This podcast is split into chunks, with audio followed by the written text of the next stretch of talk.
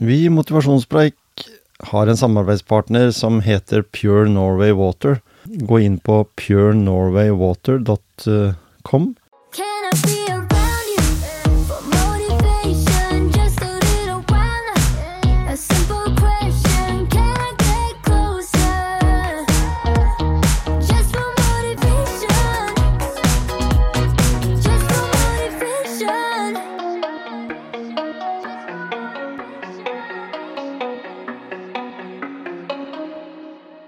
er vi på motivasjonspreik eh, episode nummer 241. Og her har jeg fått besøk av en som eh, jeg merka det idet jeg møtte ham på utsida. Eh, Mye energi.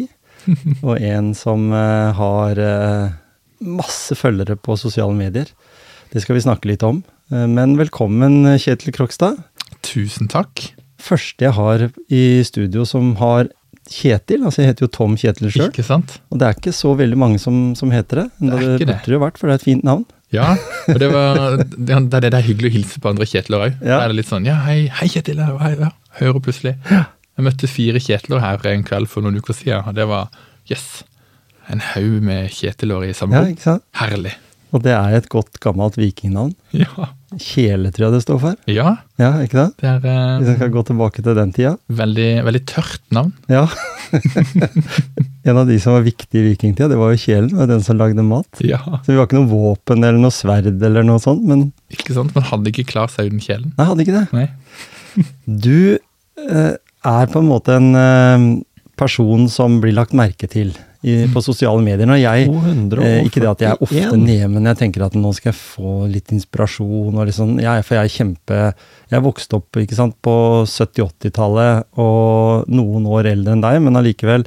Den måten vi dansa på den gangen, den er jo ikke i nærheten av den måten du danser på. Den var det bare eh, Espen og Kirsten Salberg som dansa sånn.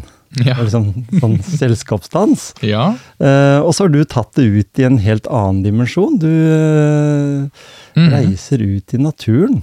Ja, fy søren. Uh, så tilfeldig. Mm. Egentlig sånn ingenting har vært planlagt. Det har aldri vært noe drøm, aldri vært noe mål. Det har bare, det har bare skjedd ved egentlig tilfeldigheter. Mhm. Um, og, og nå får jeg da lov til å ja, reise land og strand rundt i Norge, lage videoer, jeg får holde foredrag, jeg får møtt de mest fantastiske folk, og jeg får vært med på ja, helt utrolig rare ting. Um, var nede i, i Frankrike i vår, jeg vant en pris, en verdenspris for liksom, Best Entertainment Influencer. Er sånn, hva, hva- hva er det som skjer?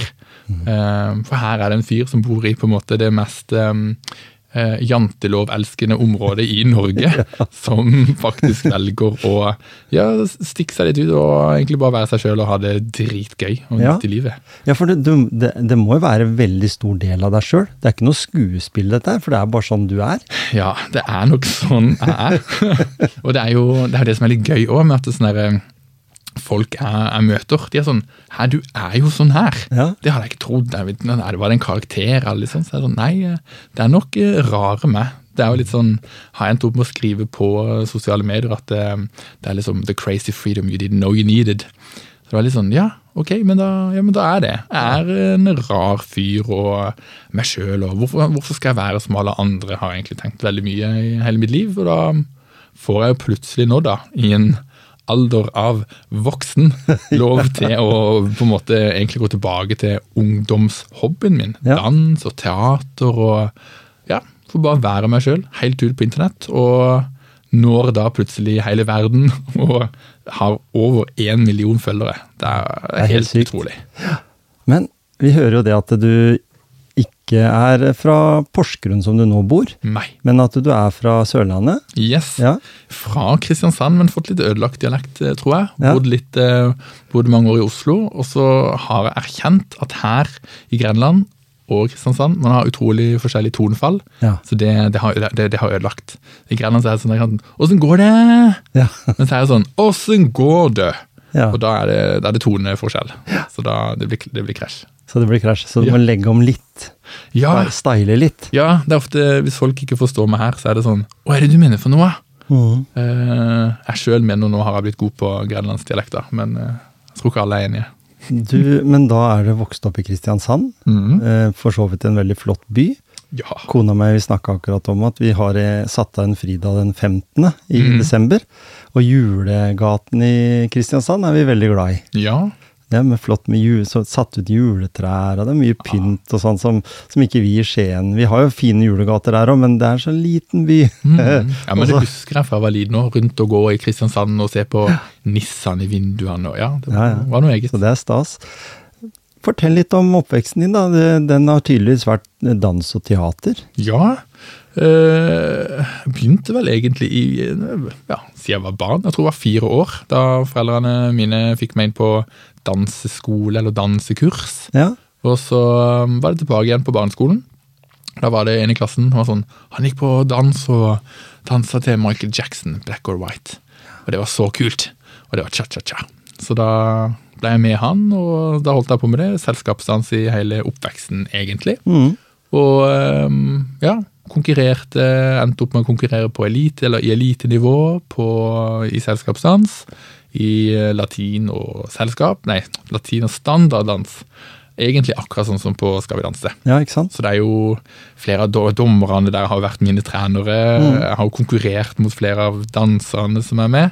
Så det er jo på en måte miljøet som jeg vokste opp i. Veldig gøy. Jeg husker da liksom, jeg dansa aktivt da det begynte. Skal vi danse. Så det var, det var utrolig gøy. Så det er på en måte hele livet mitt, eller hele hobbyen, alt jeg gjorde da, plutselig var på TV. og Jeg kjente jo alle som var med. og Ja, for Det må jo gjort litt med dansen i Norge og det, ja, og i forhold til rekruttering og sånn òg. Jeg husker vi snakka veldig om det da da Mm. det begynte. Så var det sånn ah, Ok, det her vil rekruttere bra inn til eh, ballroom eller selskapsdans. Mm. Det gjorde sikkert det òg, men nå har du holdt på i hvor lenge er det? 20 år? Ja. Nesten et eller annet noe sånt. Um, Jeg har ikke gjort noen statistikker på det, men Jeg eh, at det sikkert har kommet. hadde du spurt Trine Deli Kleve, så hadde du Ja. sikkert hatt noe svar på det. Men så har du jo da altså fått det med deg i oppveksten gjennom skolen. Dansing er jo sånn som jeg tenker, som du sier, eh, noen de danser jo sånn det kaller, altså Noe som kalles for street dance, altså som, som er liksom litt mer sånn Uh, Type Michael Jackson, som du sier. litt sånn, eh, Og jeg husker jo breakdance når jeg, Ja. når jeg vokste opp. Uh, så det har vært mange sånne type per perioder. Mm. Og du har jo satt nå da altså dette med eh, den type dans eh, litt på kartet, egentlig. For når du, da får oppmerksomhet fra over én million følgere, eh, så er det jo noen der ute også som digger det. For jeg ser jo alle videoene du legger ut, er jo eh, veldig mange som liker. Veldig mange Mm. som ser. Eh, så det er jo så Som jeg sa her i stad, dette her med at du får litt energi av å Mm. følge deg og se de videoene også. Så, så jeg kan anbefale det for alle som liksom ikke har vært og sett deg, som ikke er blant de, den millionen. da. Mm -hmm. Og bare gå inn og søke opp navnet ditt, og så få noen doser med dansevideoer. Ja, men Og Kanskje lyst til å liksom gjøre litt eh, sånn danse sjøl òg. Prikke litt i eh, foten eller tåa.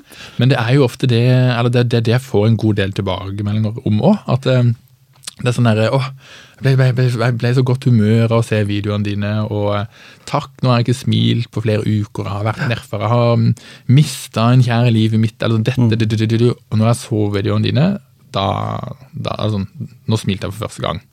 Og det, det er så herlig å se de videoene, eller å få de meldingene. Og det er litt sånn det, det, det har blitt til at det er derfor jeg gjør det. Mm. At eh, ok, jeg skal gjøre det for meg sjøl, jeg gjør det for å ha det gøy og kose meg. Jeg, skal egentlig, jeg, er sånn, jeg har egentlig vært veldig tydelig på at jeg skal aldri ut og filme for å please andre. Jeg skal ikke ut hver eneste ettermiddag for å filme en film fordi nå trender den sangen eller den dansen. Da, da blir det stress. Mm. Um, jeg gjør det for meg sjøl og har det gøy, og så er jeg ja, den her rare fyren meg sjøl da. Og, og så er det da et eller annet med det, at jeg bare klarer å slippe meg helt løs foran kamera og bare gønne på å ha det gøy, og da får også andre det gøy. Mm. Og om jeg gjør noe feil, om jeg faller, så, så blir som regel det også med, og det så tror jeg kanskje er med å skape litt av det derre type variasjonen. Det er veldig mange andre danseprofiler, sånn reinspikka danseprofiler, Mm. som jeg sjøl syns det er så kjedelig å se på, for det er så feilfritt. Så har de kanskje gjort opptaket ti ganger før de fikk det perfekt med hvordan foten sto. Mm. Men, men så er det litt mer sånn ok, det var ett opptak, eh, kanskje vi måtte ta to. Eh, Nei, men det første funka. Har du med deg noen? Er det, Ja, det er jo er det- Jeg filmer jo ingenting sjøl. Jeg har jo en fast kameramann som filmer og, Ja. og sånt. Så det, Så deilig at da kan du slå deg løs, liksom. Ja. Du skal ikke time noe, eller du skal liksom. Og detter du som du sier, så detter du. Ja. han kameramannen datt jo faktisk en gang, han også. Det var sånn, ja, men eh, kul video, vi tok med det. The Fall of the Camera Guy. Mhm. Og, og det var moro. ja. Um, så ja, og det er liksom, jeg har prøvd med litt sånn stativ og sånt men på en måte det blir Ja, det er mer livlig når eh, man har på en måte noe som holder og beveger litt rundt og, og litt sånt. Og så er det jo faktisk bare med en mobil.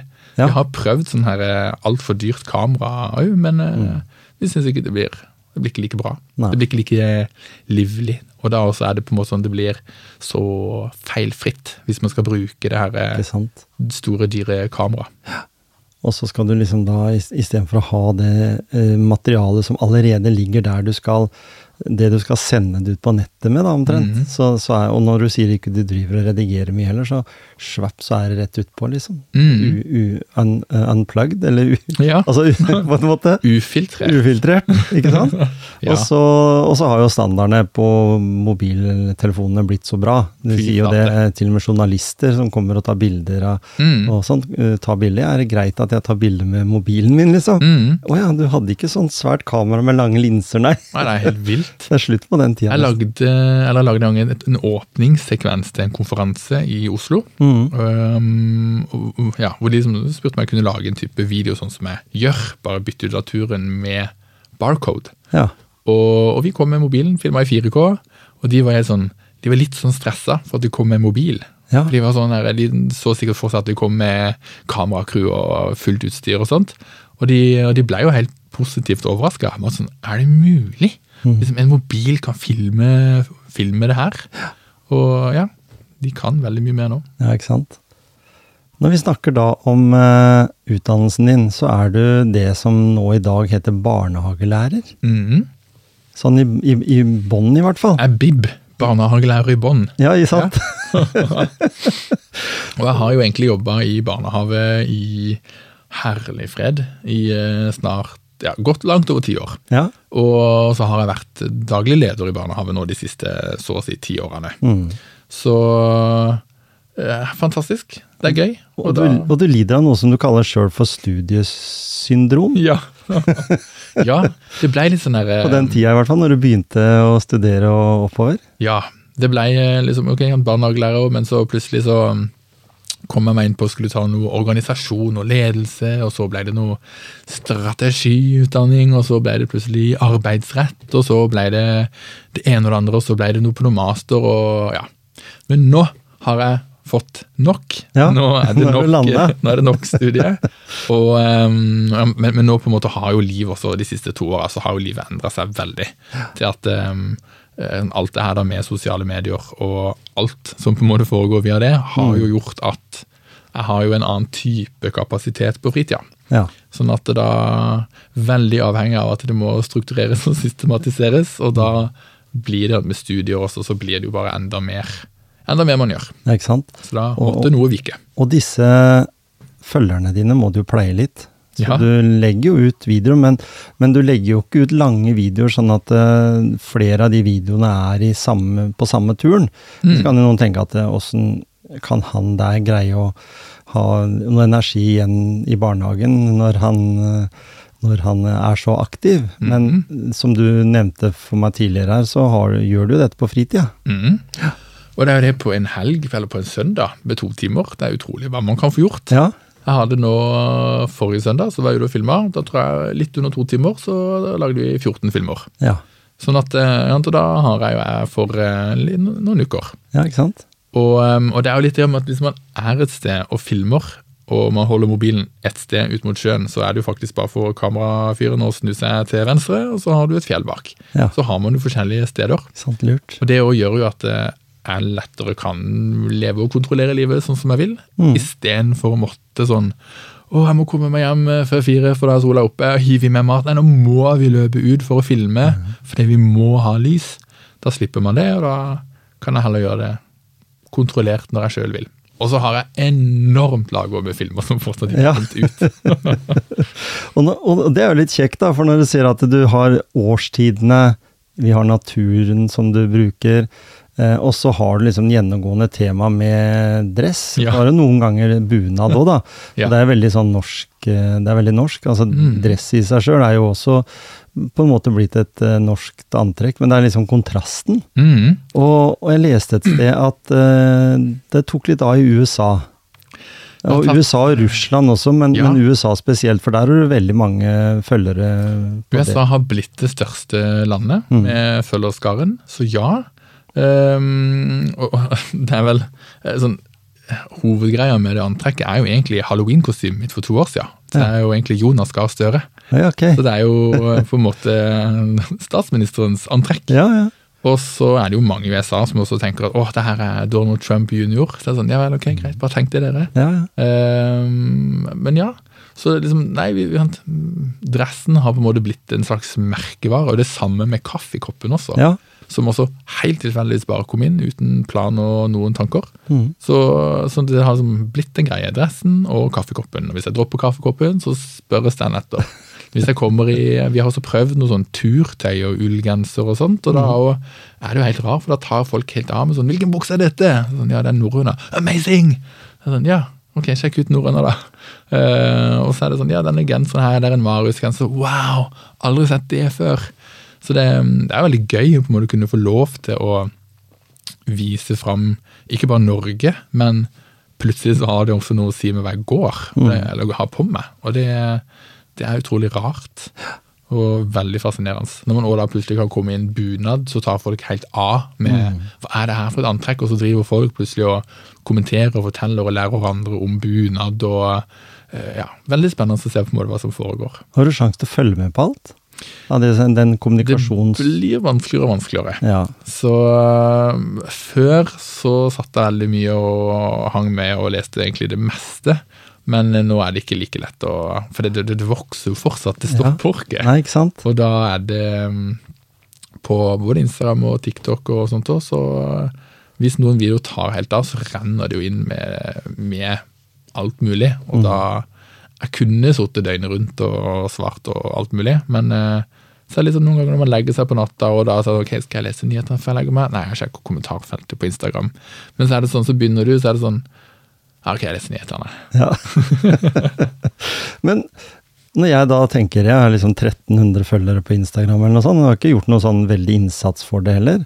eh, hva, hva er det som skal liksom til to det var Sist jeg var inne og sjekka nå, er rett før du kom nå, 583 000 følgere på Instagram. Mm. Mm. Det er sånn over en halv million. Altså det, det er jo kanskje så mange som bruker Instagram i Norge, da, hvis en sier sånn i utgangspunktet den delen av, av de sosiale mediene. Hva var det som skjedde da? Det må jo være et eller annet som liksom boom, sa det, og så Mhm. hadde, begynte du for det. Det er liksom alltid sånn tråkler det seg, så ser du noen har liksom 284 følgere, og så Yes. reiser de opp til Haukeli og rundt forbi for å lage noen kule videoer og hopper i strikk eller setter utfor Mhm. med ski, liksom, og så fikk de 50 til. Ja, og det var jo litt sånn i starten òg, men det var, for jeg hadde vel 350 følgere på Instagram, og jeg skulle jo aldri være på TikTok. Nei. Det var bare tull. Eh, Jeg var på LinkedIn og koste meg der. Ja, ja. Um, og så var det jo det med at uh, jeg merka buksene mine begynte å bli litt trangere. Så jeg, sånn, ok, jeg må gjøre et eller annet, jeg må trene, jeg må bevege meg litt mer her. Og da var det sånn ok, jeg hater å trene, jeg hater å jogge, jeg hater, jeg hater, hater. Jeg, jeg trener ikke, liker det ikke. Og da var det litt sånn ok, hva kan jeg gjøre? Nei, jeg har jo likt å danse. Så da var det litt sånn ok, kanskje jeg må danse, kanskje jeg ikke bare må danse i dusjen, jeg må danse også ute, ute i stua, ta det ut i naturen, et eller annet. Og da var det egentlig bare med at vi hadde, hadde fått et GoPro-kamera på jobb i barnehagen. Som var sånn, ok, jeg tar med det hjem, jeg må lære meg å bruke det. Tok med på hytta. Helt tilfeldig så bare filma vi at jeg dansa litt samba på stranda ved hytta. Uh, som da har liksom blitt en av de mest brukte sangene og dansebevegelsene som alltid oftest går igjen på nå da, sosiale medier.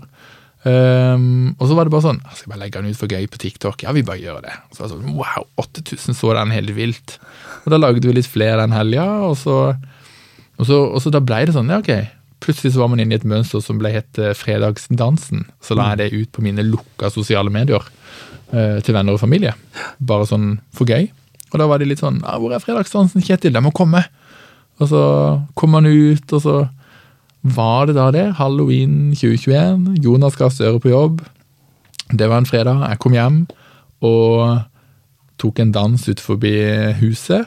Og la den ut, og den eksploderte på TikTok. 80 000 views på sånn kjempekort tid.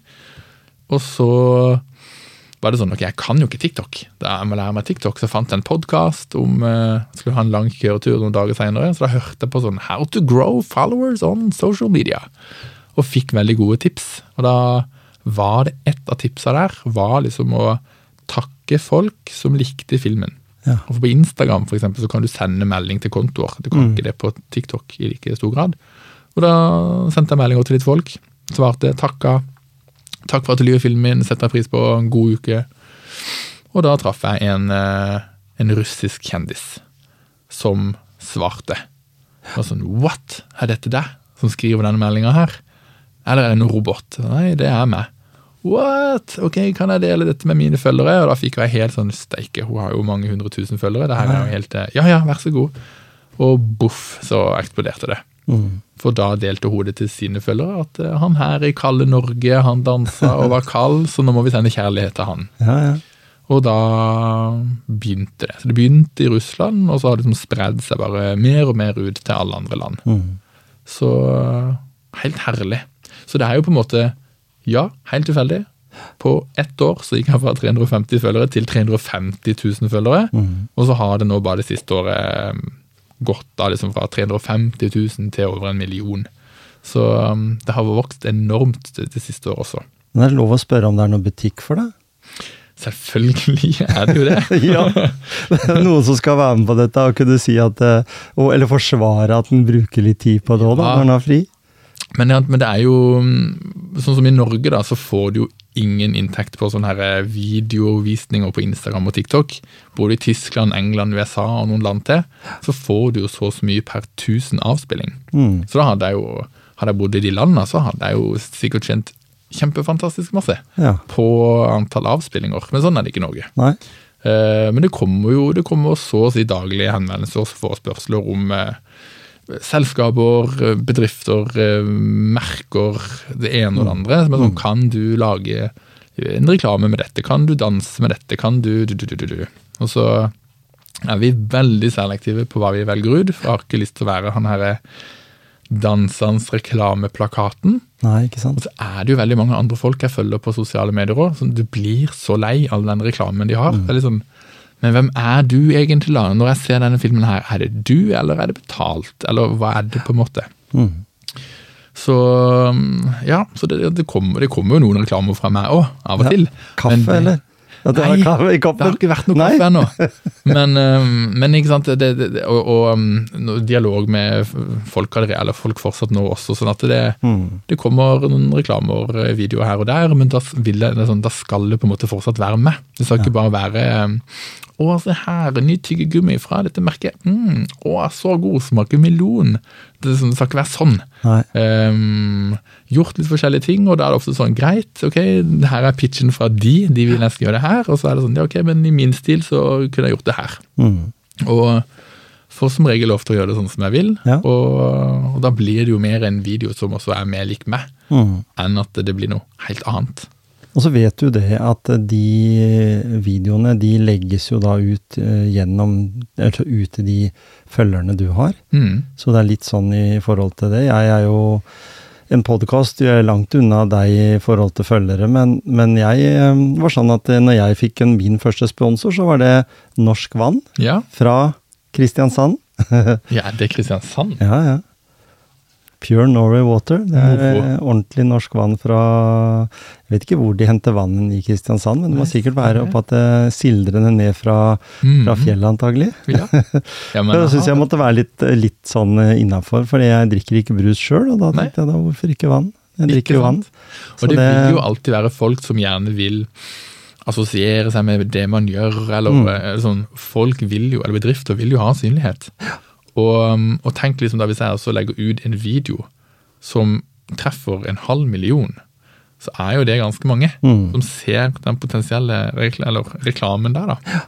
Men da er det jo fortsatt det å vite Ok, men det her kan jeg altså stå innenfor.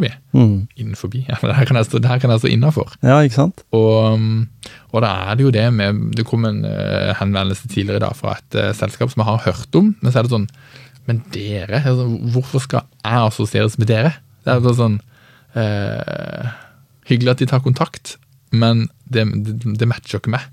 Sånn at det, det, blir, det blir ikke noe med de da. Beklager hvis jeg hører på. Ja. Men du har vært- litt for Visit Norge? Ja, Mm. så gøy. Det er et godt samarbeid, Åh. virker det som. Ja, og det var jo drømmepartneren. Mm. Når vi liksom satt når det var litt nytt og hadde begynt, og sånt så var det liksom våren eh, 2022. Så var det sånn åh, tenk om Visit Norway hadde tatt kontakt. Det hadde vært, eh, det hadde vært gøy. Og så var det samtidig tenk også om plutselig jeg kommer eh, om God morgen Norge tok kontakt, og jeg kunne sitte der også. Mm. Og så tok God morgen Norge kontakt.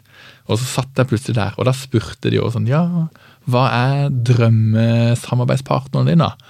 Og så var det sånn Å, jeg har en. Og de, da hadde Visit Norway tatt kontakt dagen før.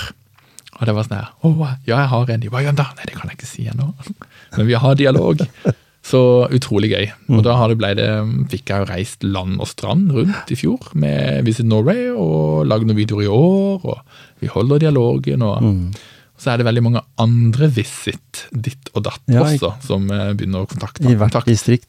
Eh, og andre land. Ja, ja. Sånn at ehm, eh, Ja, liksom Det er ikke bare Norge det kommer eh, forespørsler ifra. Nei, ikke sant? Så det er kjempegøy. Jeg har vært i jeg har allerede vært i noen land og gjort noe der. Og, Ja, ja, så gøy. Og så kom, er det, kom det en mail i stad om et annet land som jeg også har egentlig holdt på med siden april. Vi blir ikke enige. Nei, nei.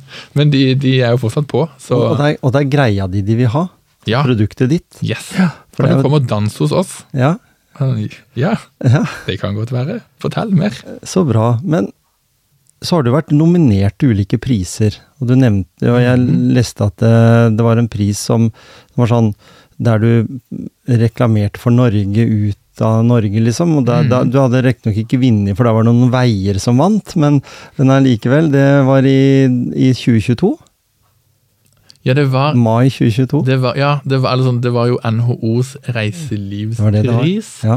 Og da var, det, da var det Kjetil Krogstad og Troll-filmen og. Succession, TV-serien. Mm. Da var det, var det Troll, tror jeg, som vant da. Det er den som vant, ja. Men det er bare sånn Nesten loddtrekning, det der, da. Ja, men, men det er bare sånn, ok, her sitter liksom jeg, Kjetil Krogstad, og jeg er plutselig nominert på to store film- og TV-produksjoner. Mm.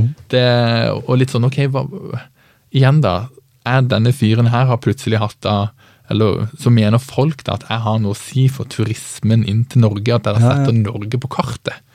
Og det er jo utrolig hyggelig at folk mener det. Og så er det bare det å på en måte forstå det sjøl også. At eh, ok, jeg danser rundt i norsk natur, men så fint, da. Og det ser jeg jo òg, hvis jeg har vært noen steder. Det var eh, eller Et veldig bra eksempel på det. Jeg var i Lofoten i mai, og da var, eh, da var vi i en liten Hva heter det nå? Bygd, er det det heter? Mm. En Nussfjord. Ja. En liten fjord. Um, og også helt tilfeldig, de vi reiste med, de var sånn eh, Kjetil, kan ikke du bare lage en video nå? For jeg hadde, gikk ut resten. For vi skulle liksom, vi skulle lage noe der. Men vi var sånn, ah, vi visste ikke hva vi skulle lage. Og de bare, kan du ikke ta den sangen her? Bare gjør noe her nå. Og så gjorde vi det. Og det ble jo da til en av de mest sette videoene på TikTok og Instagram. Ja. Og den eksploderte.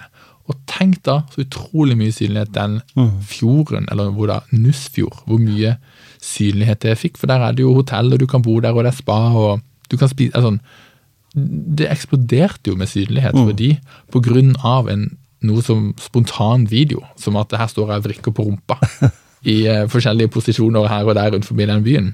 Den ble faktisk klagd inn på, inn, eh, på TikTok òg, med at det var betalt reklame. Oh, ja. Så det var sånn Nei, Det var ikke det. Så Kan, men det kan jo kanskje Norge, noen sånne naturopplevelser i Norge bli? mm, Fordi det er jo, Lofoten er jo spektakulært. Hvis du ser på, på mange andre også som har brukt Lofoten som sånn mal for et eller annet, mm, så er det jo det. Altså Til og med amerikanere reiser jo liksom ens ærend til Lofoten for å Mm. oppleve det, den naturen. Eh, og da Jeg kan kanskje skjønne at noen kan mistenke at det blir reklame, men eh, det er jo bare fordi du Du er jo bare deg, og du er jo bare der. Ja. Jeg var oppe på et oppdrag, Ja. men ikke i Nussfjord. Ikke, da, ikke der. Men, men når vi ser da på nominerte verdenspris, Ja, det, det er store greier. det er helt vilt. Eh, åpna mailen i påska i år. Var på et annet oppdrag i Kypros. Eh, og da åpna liksom mailen og bare sånn eh, Viba Awards, World Influencer and Bloggers Awards. Eh, sånn, Kjetil, du er nominert til pris på liksom, under kategorien Entertainment. Kan du komme, eller ikke kan, du må komme til NIS eh, under Nei, under kan, ikke til Cannes, under kan ja. Cannes filmfestival. Ja, ja. Eh, så sånn, Hva i huleste er det her? Og da måtte jeg jo egentlig begynne å google liksom, hva er Viba Awards, aldri hørt om det. Eh, og sånn, er det ekte? Og det var sånn, ja det, ja, det er ekte. Eh, I fjor så vant jo han som er verdens største tiktoker nå, han hadde vunnet pris i fjor, og an, andre kjente navn. Som det er sånn Ja, skulle jeg plutselig ned og potensielt være i et rom med andre sånne folk som du sjøl har sett på sosiale medier? Så vi, vi reiste ned og eh, hadde egentlig altfor full uke eh, den uka. Men eh, vi reiste ned og, og liksom, ja, dro på prisutdeling, og, og de da leste opp eh, liksom Best Entertainment Influencer 2023, og så begynte de å lese opp hvem du var, og liksom eh, This man, if he, um, even if he twerks on the Norwegian tundra, or bu, bu, bu, bu, så sånn, hva faderullan er det nå? Eh, og da var det som Kjetil, eller Kjetil Krogstad. Og eh, opp på scenen og få en eh, nydelig glasspris, og eh, ende opp med å ta en liten twerk på scenen også. en liten rumpefristing på scenen. Eh, utrolig gøy. Og i den, liksom, i den salen, eller i der med de folka, så det var det jo også andre personligheter som jeg sjøl òg har fulgt og følger og ser opp til og alt mulig. Så fikk man plutselig var man plutselig, plutselig var man en del av de. ja, ja. Og da, mm, det var sånn Tidligere på dagen så hadde vi vært i Cannes bare for å kikke litt, og, og da var jeg sånn Han der, er ikke det, er ikke det han? Og så var jeg sånn Jøss, yes, skal vi kanskje på samme utdeling i kveld? Det jeg sånn, jeg tør ikke å gå og si hei. Eh, men så møtte han seinere på, på kvelden, da, så var jeg sånn, jeg så deg tidligere. da, Han bare Ja, han var der, ja. Da var det det. Og så nå, liksom, har vi, nå, er vi, liksom, nå er vi bekjente, og vi Ja. meldes, og det er helt rart Ikke sant? møtte man plutselig folk fra hele verden samla på et sted i Frankrike. Du virker jo som en uh, ydmyk person også, i tillegg. Håper det. Ja. Nei, men jeg tenkte på at du kunne liksom blitt litt uh, høy på deg sjøl, Mm. fordi du har mange der ute som du som, Du er jo en kjendis innenfor sosiale medier, så til de grader, ikke sant? Og da Det er, ja, det er, det er noen som sier det. Eh, og det er litt sånn, ja ok, men det, det er dine ord. Jeg selv, Hva er en kjendis? Jeg sjøl føler meg ikke som en kjendis. Jeg er jo fortsatt Kjetil. Ja, ikke sant? Um, og, og det er liksom Det var noen som sa det jo at «Å, 'jeg er så glad jeg ble kjent med deg før du ble kjendis'. Så er det sånn, ja, men hva, hva mener du med det? Eh, eh, og, og, og, og det er jo på en måte litt det med at det, eh, For min del så er det jo så utrolig deilig egentlig at det skjer på nettet. Det skjer mest utenfor Norge, men det vokser jo vokser jo også i Norge. Og ja, så blir jeg gjenkjent, og jeg får noe blikk, og vi var på en reise for litt siden, det var noen som hadde tatt på sekken min og fått helt sånn fnising fordi at de hadde tatt på sekken.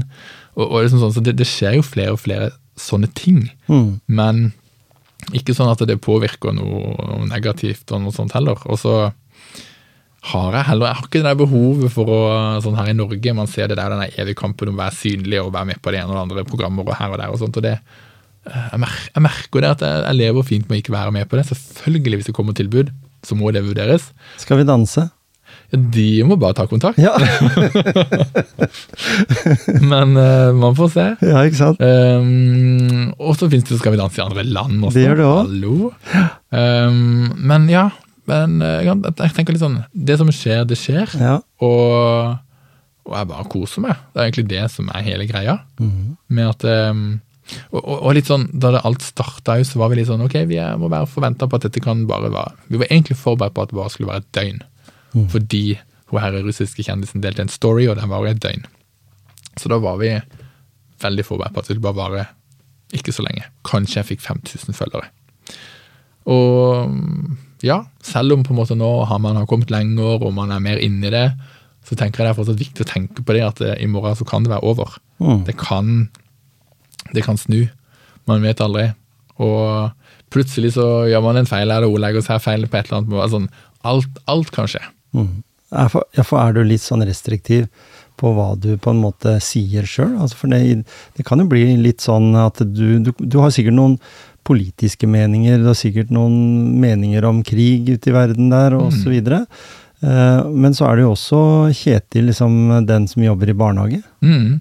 Så du har jo noe ansvar for eh, Føler du det? Liksom litt sånn ansvar for eh, ikke barna kanskje, men kanskje foreldre og sånn? De, Ja, men jeg ser litt sånn hver gang jeg har gått ut og ment et eller annet, eller delt min mening eller noe, uansett hva det er, eh, så kommer det alltid andres meninger. ja, ikke sant? Um, om det så er om eh, eh, liksom om det er krig eller pride, eller eh, om det så er eh, at ull er best, så kommer det alltid Mm. noen meninger. Og, og, og det på en måte ser jeg jo, har jeg forstått veldig nå, men sånn hvor mye det faktisk tar på for folk å mene ting, spesielt i sosiale medier eller i media.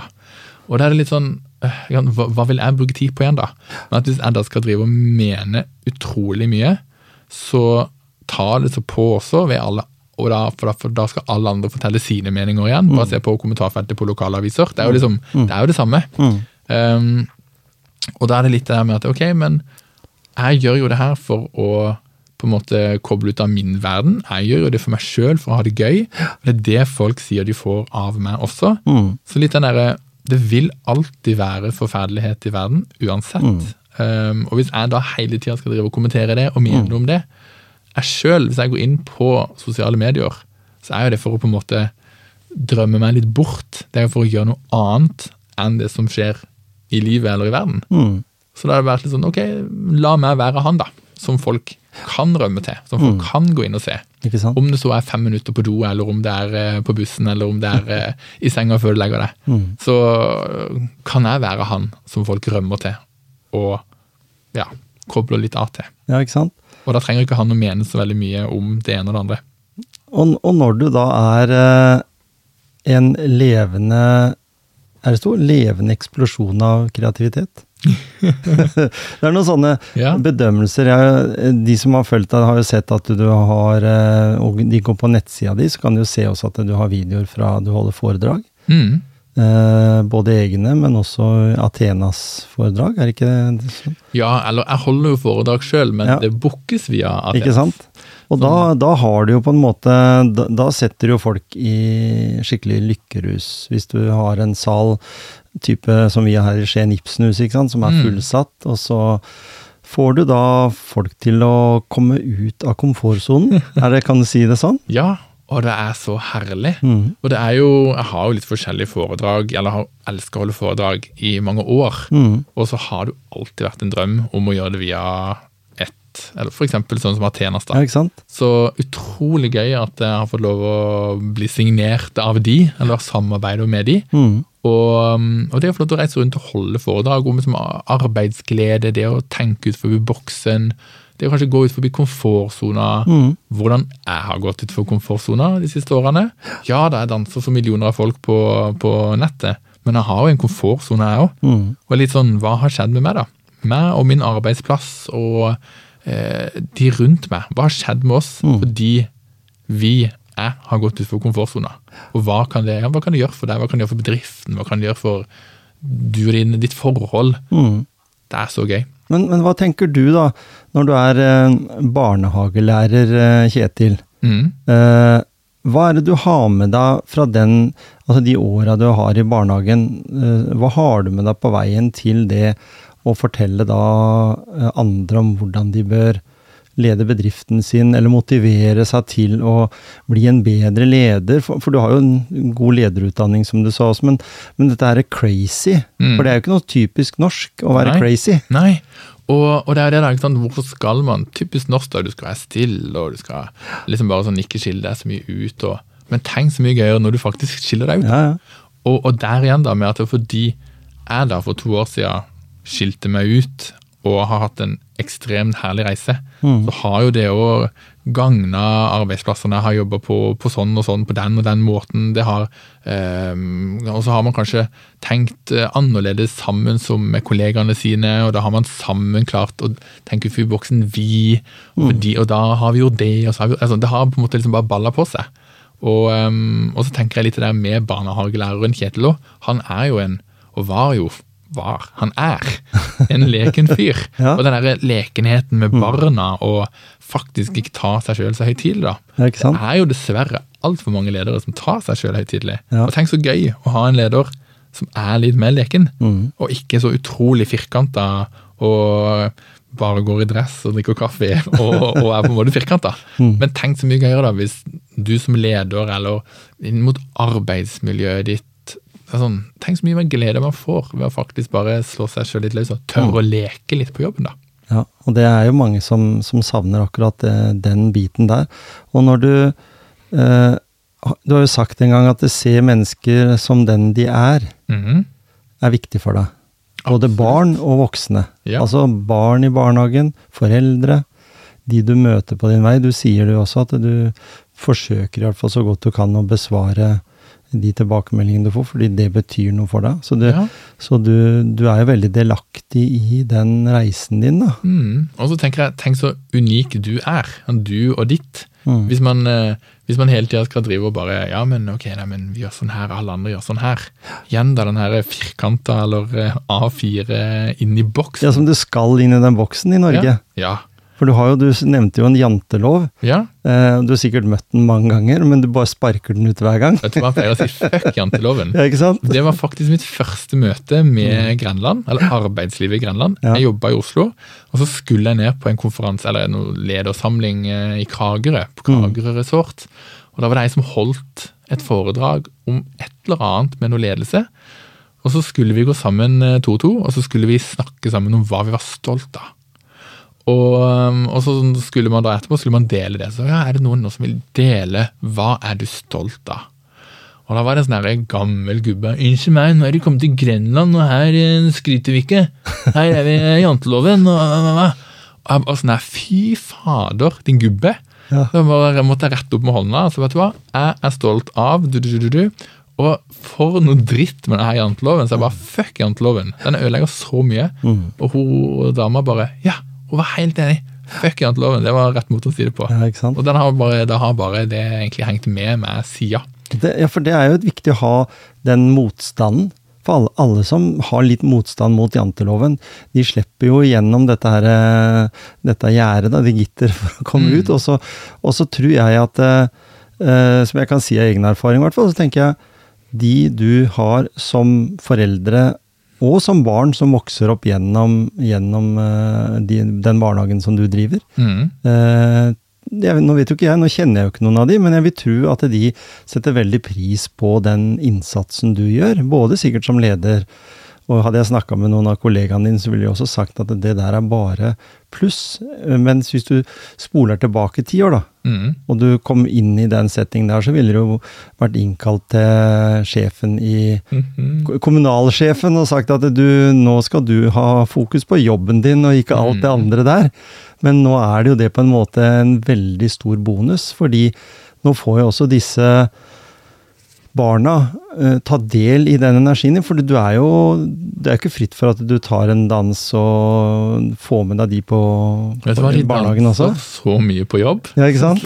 sånn der, Senest i dag så kom jeg bærende med et lass av bleier inn i barnehagen, og det er full dansefest. Mm. Og det er sånn, ja, ja men herlig. Mm. Litt vanskelig for meg å danse nå med bleier. Jeg bare sette de fra meg. Um, men? Men, men, men ja, Og det er den derre le, det er bare lekenheten, da. Mm. Det er for få som leker, og liksom dessverre vokser opp. Mm. På en måte. Jeg er jo fortsatt en voksen mann, men man lever jo bare én gang, da. Hvorfor skal man være så utrolig kjedelig og, og kjip og, og litt sånt? Og så, ja, jeg har jo sjøl jobba i kommune nå, Mm. og, og det var her, det var egentlig der alt det her begynte. Eh, og så har man kanskje da 50-50. Folk som digger det, folk som hater det. Mm. Kjetil Jern han stikker seg ut. Fader, det får andre til å se dårlig ut. Jeg orker ikke å gjøre mer. Altså, nei, men da må du uppe gamet litt sjøl, da. Mm. Og så har du de som bare sånn åh, det her trenger vi så fantastisk. Kjør på. Mm. Og det er det litt av hvis du da er den som gang på gang da tenker ah, der er han igjen. Åh, ah, holder han på igjen? Og, ah, da må du kanskje tenke litt over deg sjøl. Mm. Og så det må være en deilig følelse at du nå da eh, driver en barnehage. Jeg vet ikke, nå er du i Larvik, Mhm. eh, nabobyen til eh, Porsgrunn. Mhm. Eh, det er ikke noe uting det, holdt jeg på å si. Nei. Det er fra Bis, Bisjord, Ja. er det det? Ja. Og det er, hva, hva står eh, det med FUS barnehage for? F, er det, Det er jo? FUS. Ja, det Fus. barn først. Det er jo FUS for å sitte foran. Ja. FUS. Det er, så det er konseptet, liksom. Det, Mhm. Så bra. Og det er, det er jo en barnehage som du også jobba i når du jobba i Oslo. Yes. Ikke sant? Da jeg flytta til Oslo, så var det da jeg oppdaga FUS-barnehagene. Kom inn der. Mm. Jeg var Det er en litt moro historie, men eh, Eller moro Kommer sikkert helt an på hvem du snakker til, Ja. faktisk. Eh, men da jeg flytta til Oslo, så hadde jeg fått meg en jobb over telefonintervju. Anbefaler mm. ingen å gjøre. Eh, da hadde jeg jo ikke sett verken arbeidsgiver eller sett eh, leder eller noe, ingenting. Så kom jeg der, eh, og det var helt forferdelig miljø på den arbeidsplassen første dagen. Ble møtt av en hel gjeng med skikkelig trautende folk, og, og det var så negativt miljø. Og så var det sånn, ja, ut, ut på tur, ut på gjerdet, ja, det har vi gjort én gang eh, for noen måneder siden. Så er det sånn, ok, hva er det her for et sted? Og jeg fikk aldri kontrakt, jeg fikk liksom ingenting, og det var bare, det var bare feil. Og da var det tre dager etter onsdag, så da så jeg lederen for første dagen, og hun bare, 'Åssen går det? Jeg bare, det her går ikke bra. Uh, så jeg bare, det her gidder jeg ikke. Du har ikke gitt meg kontrakt engang, så ha det bra. Jeg går. Og da gikk jeg rett til en annen barnehage, og um, for som jeg hadde sett, ta trikken forbi hver dag. Mm. Det var ikke en FUS-barnehage. Og de var sånn, ja, vi kan tilby deg jobb med en gang, eh, som barnehagelærer. Så, Nei, men jeg vil være pedagogisk leder. Og det ble da ei uke med ti intervjuer på forskjellige barnehager, og fikk ti jobbtilbud. Fantastisk eh, boost å få det. Mm. Og, um, og endte da opp liksom i det første, eller det et av de første stedene var da, en FUS-barnehage. Uh, og det var den jeg fikk sist svar på også. Men det var der jeg liksom følte at her vil jeg være. Så da har jeg fått vært eh, pedagogisk leder der, og vært, fått lov til å bli daglig leder der for da snart ti år siden. Og hatt et lite avbrekk her i kommunen, og nå da tilbake i FUS. Men, men da når du jeg, jeg, jeg fant litt på nettet her en uh, uttalelse du hadde hatt i forhold til Oho. nettopp barnehagefaget. Mhm. Eh, og at det var en del utfordringer ved å få flere søkere til å søke på barnehagejobber, da. Altså Mhm. det, I hvert fall å ha utdannelse. Mhm. Eh, fordi eh, en sliter litt med kanskje rekrutteringa i forhold til det, akkurat som en gjør der jeg jobber, i helsevesenet. Mhm.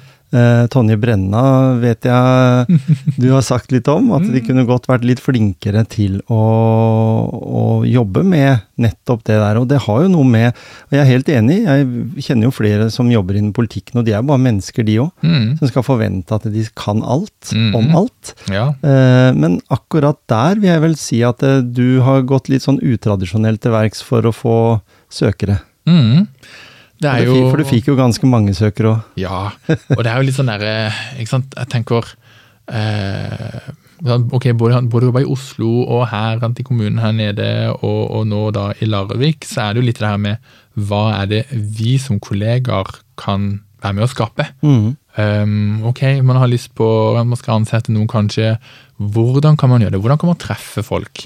Og det er jo litt det der bare med at ok, fingeren ut i lufta er det mest standard eh, A4 man kan gjøre. Lage en standard kjip utlysningstekst og legge den ut og håpe at noen søker. Mm. Og hvor mange ser det? Og da er det litt det der med ja, hvordan, hvordan skape synlighet, da. Hvordan ser folk det? Og det er litt sånn, ja, man har det ute i avisa, så er det sånn, ja, men hvem treffer du i avisa, da?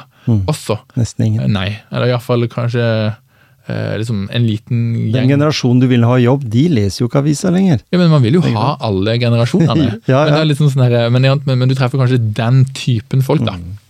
Um, ja, altså da, Flere steder da, så har vi uh, lekt oss litt med hvordan uh, ha synlighet, og Mm. et av de siste tingene vi nå har gjort, nå var liksom der vi vil Vi har lyst til å vise arbeidsmiljøet vårt. Mm. For jeg så, Det var et innlegg vi så på LinkedIn for en god stund siden, av en fyr som heter Fredrik Fornes, som var sånn 'Vanlig mann tolker vanlig stillingsannonse'. Og da var det et av punktene som sto sånn 'Hos oss er det godt arbeidsmiljø'. Og da tolka han da som en vanlig mann at det her er et helt vanlig ræva arbeidsmiljø. Eh, ikke noe å skryte av, ikke vits å være hos oss. Og da var vi litt sånn så vi på, på det på jobb, så var det litt sånn ok, hva har vi skrevet? Ja, vi har skrevet det samme. Ja. Det er godt arbeidsmiljø. Vi er sånn, søren. Ok, men hvordan kan vi vise arbeidsmiljø, da? Og da kom det noen forslag om å lage en video. Litt sånn, en, egentlig en TikTok-video. Vi hadde, jo ikke TikTok da, det, på jobb. Men, og da gjorde vi det, og vi liksom lagde eh, de, de kunne gjøre hva de vil. De kunne hoppe, de kunne rulle, de kunne drikke kaffe, de kunne skli langs gjerdet. Ja, alt mulig. Unnskyld. Og da, mm, da gjorde vi det, og gikk sammen en ettermiddag, eller på jobb, da. Gikk bare rundt, jeg bare rundt med mobilen. Tok liksom 20 minutter bare å gjøre det. Klippa det sammen, la det ut, og den fikk jo enormt bra rekkevidde. Mm. Og den traff jo flere barnehaver i området, og liksom til og med fikk noen mail og ble kontaktet. 'Så bra utlysningsannonse', eller 'bra film', og den kom i avisa og spredde seg greit der. Og så fikk vi, vi fikk tre ganger flere søkere enn vi hadde håpet på. Mm. Og det da i en bransje eller i et, på, på noen yrker som det stadig er utfordrende å få søkere på. Og da har vi gjort det til noen ganger. Mm. Og det også gjorde vi da jeg jobba i kommunen nå, så var det altså litt sånn, ja ok, vi har en annonse som vi lyser ut, men hvordan lyser vi den ut da? Hva skriver vi? Hvordan, hvordan vil vi fremstille oss? For det er jo veldig ofte de som er på intervju, det er jo de som skal selge seg. Mm. Men arbeidsgiver skal jo også selge seg. For nå er det jo arbeids, veldig ofte er det jo kanskje arbeidstakerens marked òg, noen steder. F.eks. i barnehage. Mm. Hvis du er pedagog, så kan du nesten velge og vrake. Kommer veldig an på hvor i landet man er. Men er du i Oslo, så kan du jo velge og vrake i, blant blant barnehager. Mm. Eh, og da må jo vi som arbeidsgiver også skille oss ut. Og hvordan kan vi vise det? Mm. Så gøy. Så kampen jo- de beste. Og det blir jo det. Altså de som søker eh, på den, er jo også litt nysgjerrig. Ja. Være, for, for det er jo en ting jeg tenker på. Eh, Må du være det i hverdagen i dag? Litt nysgjerrig? Tenk så kjedelig hvis man ikke er nysgjerrig. Ja, er ikke det? Og det er jo litt det her da med å igjen å se folk for den de er, og tenk så Ja, du er du. Mm. Hvem er du? Og hvorfor er du her? Ja. Sånn, det er jo så mye gøyere å være nysgjerrig da, enn å bare anta. Ja, du er sånn. Ja, du er fra, du er fra Kristiansand, ja. Ja, da er du sånn, du. Ja. Nei. Ja, du holder på med sosiale medier. Ok, du er sånn, ja. Mm. Nei. Jeg er med. Hva er eh, Jeg si Jeg vet jo det at eh, du har fått barn. Mhm. Fått eh, en litt annen situasjon i heimen. Ja, Ja, det har skjedd. gratulerer. Jo, takk, takk. Eh, men allikevel, da, så tenker jeg, hva er det Kjetil gjør når han tar seg helt fri? Hmm. Lader. Mm, egentlig ingenting, tror jeg. Jeg er bare hjemme, chiller, Ja. sover litt, lenge kanskje. Eh, finner på å gå en tur, eller bare gjøre noe. Men så er jeg litt rastløs òg, så det er ikke ofte jeg er så god på Men det er bare liksom den muligheten, eller friheten til å velge hva jeg sjøl kan gjøre. Mm. Jeg tror det er egentlig det som på en måte det gir meg, det gir meg litt energi.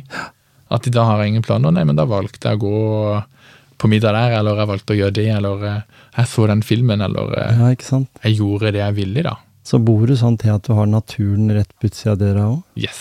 Mm. Herlig. Så, så når jeg tenker sånn at eh, i, for, i forhold til det å være i uh, aktivitet, da, så sier du at du bruker dansen Mm. som, din, uh, som din trening, eller din, Ja, din det har blitt det. ja. Vil, hva ville du sagt liksom, for, å for å motivere andre der ute til å tørre å slå seg løs på sosiale medier? Du, du har jo fortalt litt om hva som skjedde for deg. Mhm. Hva, hva tror du For det er mange unge mennesker der som, som har lyst til å prøve nettopp den veien der, og, og som mm. står litt i stampe, gir litt fort opp, kanskje? Ja, og så tenker jeg litt sånn man må jo ikke nødvendigvis ta av eller danse eller gjøre ting på sosiale medier, men det er jo mer sånn Hva kan du gjøre for deg sjøl for å bli trygg i deg sjøl? Og du må jo nødvendigvis ikke være trygg i deg sjøl overfor andre, men bare sånn bare Tenk så deilig. Gå inn i dusjen, godt, varmt vann, så tar du på en spilleliste med de bare mest fantastiske sangene du kan tenke på deg.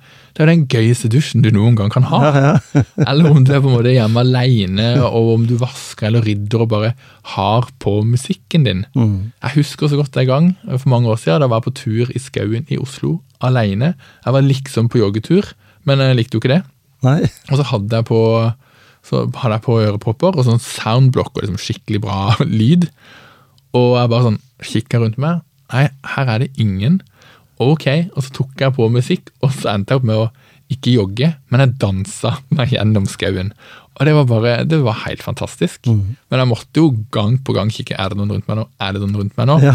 Og det er jo på en måte litt det er litt det som er min komfortsone, da. med at det, ja, jeg er vant til å konkurrere på en, eller på, på, på en scene foran folk, og uh, nå er jeg vant til å danse på sosiale medier, men det er noe med at hvis folk ser det når jeg er ute og gjør det, og det er jo kanskje litt det folk og er sånn ah, jeg tør ikke å gjøre det. Hva vil folk tenke? Hva vil folk eh, du, du, du? Og det, jeg sjøl tenker jo noen ganger på det òg, men det er bare litt sånn Men så så kjipt da. Mye gøyere å bare ha det gøy sjøl, Jo, men når, istedenfor å tenke på alle andre. ja, ikke sant? Men når du har spilt inn så mange mange videoer som du har gjort Så er de fleste spilt inn i natur uten Ja. folk rundt. Ja, men allikevel, det er henne jeg har sett på noen videoer, så er det noen mennesker i bakgrunnen. Er, det bare statister, eller? Nei, Nei. det er vel fordi at de ikke ville gå vekk. Ja, ikke sant? Eh, og fordi at de var der. Og mm, jeg så nå var jeg vel en av de siste hvor det var folk bak. Da var jeg i Finland og gjorde noe der. Og da også egentlig sjokkert over hvor lite folk det var i den videoen. For det var folk overalt da vi filma inn det på de stedene i Finland. Men så er det sånn det er sånn- det er folk som kommenterer bare sånn 'Hvordan klarer du det? Det er jo ingen folk her.' Så er det sånn 'Å jo da, du skal bare vite. Ja. Det er så mye folk'. Ja. Um, men vi klarer liksom det der, om du da om, Ok, vi bruker ti minutter ekstra på å stå her. Ok, nå var det ledig. Løper inn, gjør det. Og så fikk man det. Um, så liksom, ja. Det er, jeg begynner å bli mer vant til det. Men nå har jeg holdt på i over to år. Ja. Og alle videoene er som regel uten folk. Ja. Men når man da har gjort det, er utrolig kult å se filmen etterpå. Ja. De blir kule. Men ser jeg det noen ganger på meg sjøl at ah, der ser du at var, der, hadde jeg det ukomfortabelt. ja. Da er det sånn, ok, vi må ikke se det, vi må ikke se det. Okay, Nei, nei. Tar en til. Drit i de folka rundt nå. Du koser deg, og jeg har det gøy. Ja, ja, fordi jeg tenker sånn at eh, det ville nok jeg tenkte at du var kjempetrygg på nå, den Mhm. settingen. Eh, fordi du er jo et ikon i det at du, du kommer der i dressen med rød slipset, altså, og du Mhm. danser movesa dine. Ja. Så vet jo alle som følger sosiale medier, og som følger deg, Ja. eh, at Å, der har vi han, ja. Og det var det, det skjedde i, i Finland, og det var så rart. For liksom vi var ute forbi et sånt der eh, kjent bibliotek i Helsinki. Ja. Og så sto vi ut, og da, liksom, da var det jo med folk da, fra, fra det, de som hadde oss med rundt der. Og da var liksom, så holdt hun i jakka mi, og det regnet, og så holdt jeg paraplyen, og så hadde du kameramannen, og så sto liksom jeg der. Og så ser jeg inn vinduet, noen som sitter der og spiser, og plutselig liksom eh, nesten kaster fra seg bestikket og ser på meg og begynner å peke. Og så sa jeg bare sånn Shit, nå ble, nå ble vi gjenkjent. Eller nå ble jeg gjenkjent. Eh, og så er det sånn og, og, og da altså, Den personen sendte en melding på Instagram samme dag. I saw you at the library. I was having lunch. Og et eller annet sånt. Så jeg bare, okay, vet du hva, jeg, jeg, jeg så det. Og de bare, what? Og de bare, ja, og venninna mi hun elsker deg, hun var på do, men når du, hun kom opp, og vi var helt i hundre, så var du borte. og så, sånn, så Kjempehyggelig. Men da var det sånn Ok, men nå er vi her en svær gjeng. Nå ser folk at det sånn, her er det et crew som gjør noe. Enn at vi på en måte er bare to stykker rundt forbi som bare er de der stereotypiske influenserne som liksom skal stå og danse og gjøre noe. Da, Det blir hakket flauere, på en måte. da. For det er en sånn konto på Instagram som heter Influencers in the Wild. Ja. Hvor de gjør narr av folk som danser offentlig, ja. Eller filmer og filmer som da influensere. Mm. Og liksom alltid sånn Der vil ikke jeg komme. Nei. Jeg vil ikke være den. Per nå har jeg ikke kommet, fordi det er jo aldri folk rundt meg som filmer, som Nei, regel. Men. Mm. en gang så må jeg bare akseptere at jeg kommer til å havne der. Så får se. Og, og den kan jo bli parodiert. Har du oppdaga det? Å, fy flate, det er så gøy. Ja. Det er så gøy. Noe av det gøyeste jeg vet, er når jeg legger meg, eh, spesielt på TikTok, så kan jeg gå inn og så kan jeg så filtrere varsler på ting jeg er tagga i. Og det er så gøy å se folk som har kopiert en video eller en dans, eller de har laga en duett, hvor de liksom bruker videoen min, og så gjør de et eller annet. Åh, storkoser meg. Og det er sånn, Her har folk faktisk tatt en, eller gjort noe med en video jeg har lagd, og så har de lagd noe sjøl. Enten om det er at de har kopiert dansen og liksom tagga meg, eller at de har brukt det jeg har gjort. Altså, ja, det er fantastisk. Og, og, men er det, er det det som er eh, målet ditt?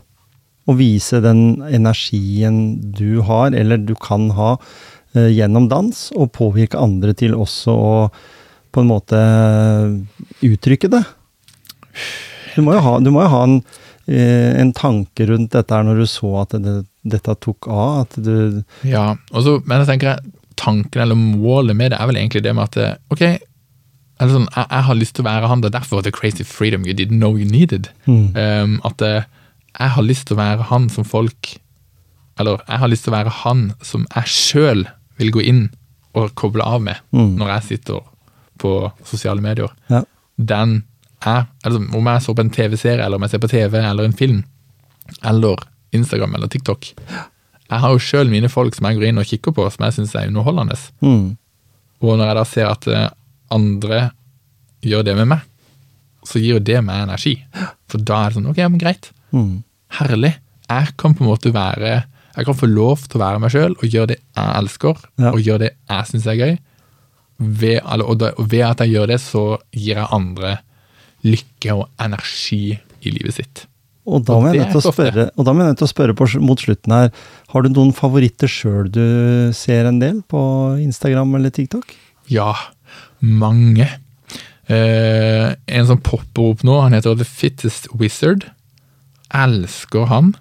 Og, så, og han har liksom alltid vært det store idolet, og han liksom lager bra videoer og redigerer kult. Og, og, så, har, altså, og, og så sitter jeg nå vi, vi melder. Vi er liksom blitt bekjente.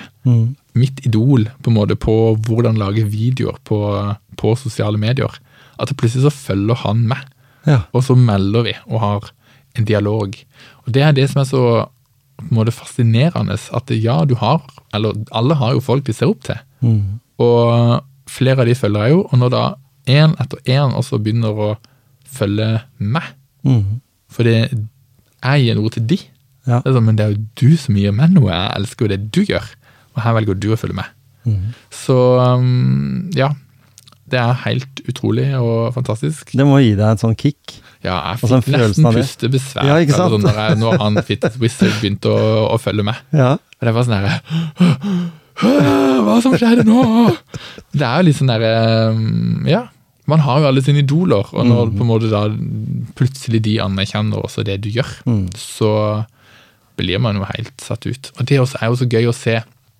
Eh, For jeg kan jo se hvis folk har videredelt videoene mine, eller hvis de har eh, ja, et eller annet noe sånt. Og det er så, så gøy å kunne gå inn og svare de, eller gi de en liker-klikk på noe de har lagt ut og tagga meg, eller og bare det å se de reaksjonene med folk som da får helt ja, helt pustebesvær de også, da, og tar en screenshot av at det selveste Kjetil Krogstad har, eh, har kommentert på videoen min, eller han sendte meg en melding, så er det så uvirkelig at jeg har kommet der at folk får de reaksjonene som jeg får når de jeg ser opp til, ja. gjør noe med meg. Så gøy. Utrolig gøy. Veldig hyggelig at du hadde sjanse til å komme hit eh, i studio i dag. Jo, takk for at Tusen takk for at du ville dele den energien din. Lykke til videre med alle de videoene du har liggende, som du skal sende ut. Jo, takk, takk. Og kanskje du liker en video hvis jeg laga en dansevideo plutselig. Oh. Åh, ja, det er da gøy. På min, jeg, jeg, jeg ser en gang, eller en innimellom, en kar med sånn afrosveis, mm. pannebånd, og sånne diskobukser. Ja, Han, jeg tror jeg skjønner hvem han syns jeg er morsom. Å, han er fantastisk. Han gjør i alle sånne Og han er ikke redd for publikum. Nei, nei, nei. nei. Han Men skal jo helst ha det rundt seg. Ja, Ja, men jeg tror jeg skjønner hvem du mener. Ja, det er, Det er, i, det er på flyplasser, og det er utafor en restaurant, og det er inne på en restaurant. Det er overalt, liksom. Så jeg, han syns jeg er litt morsom, da, for han, han danser jo Eller tross alt eh, bukser jeg godt kunne vært litt ufko- ukomfortabel i, men ja, vært gøy å hatte på en gang. ja. ja, hvorfor ikke? Da Ja, har, ikke du, da har du utfordringa til deg sjøl. noen mål her Ja. i livet. Herlig. Tusen takk, Kjetil, for at du kom til motivasjonspreik. Takk, likeså.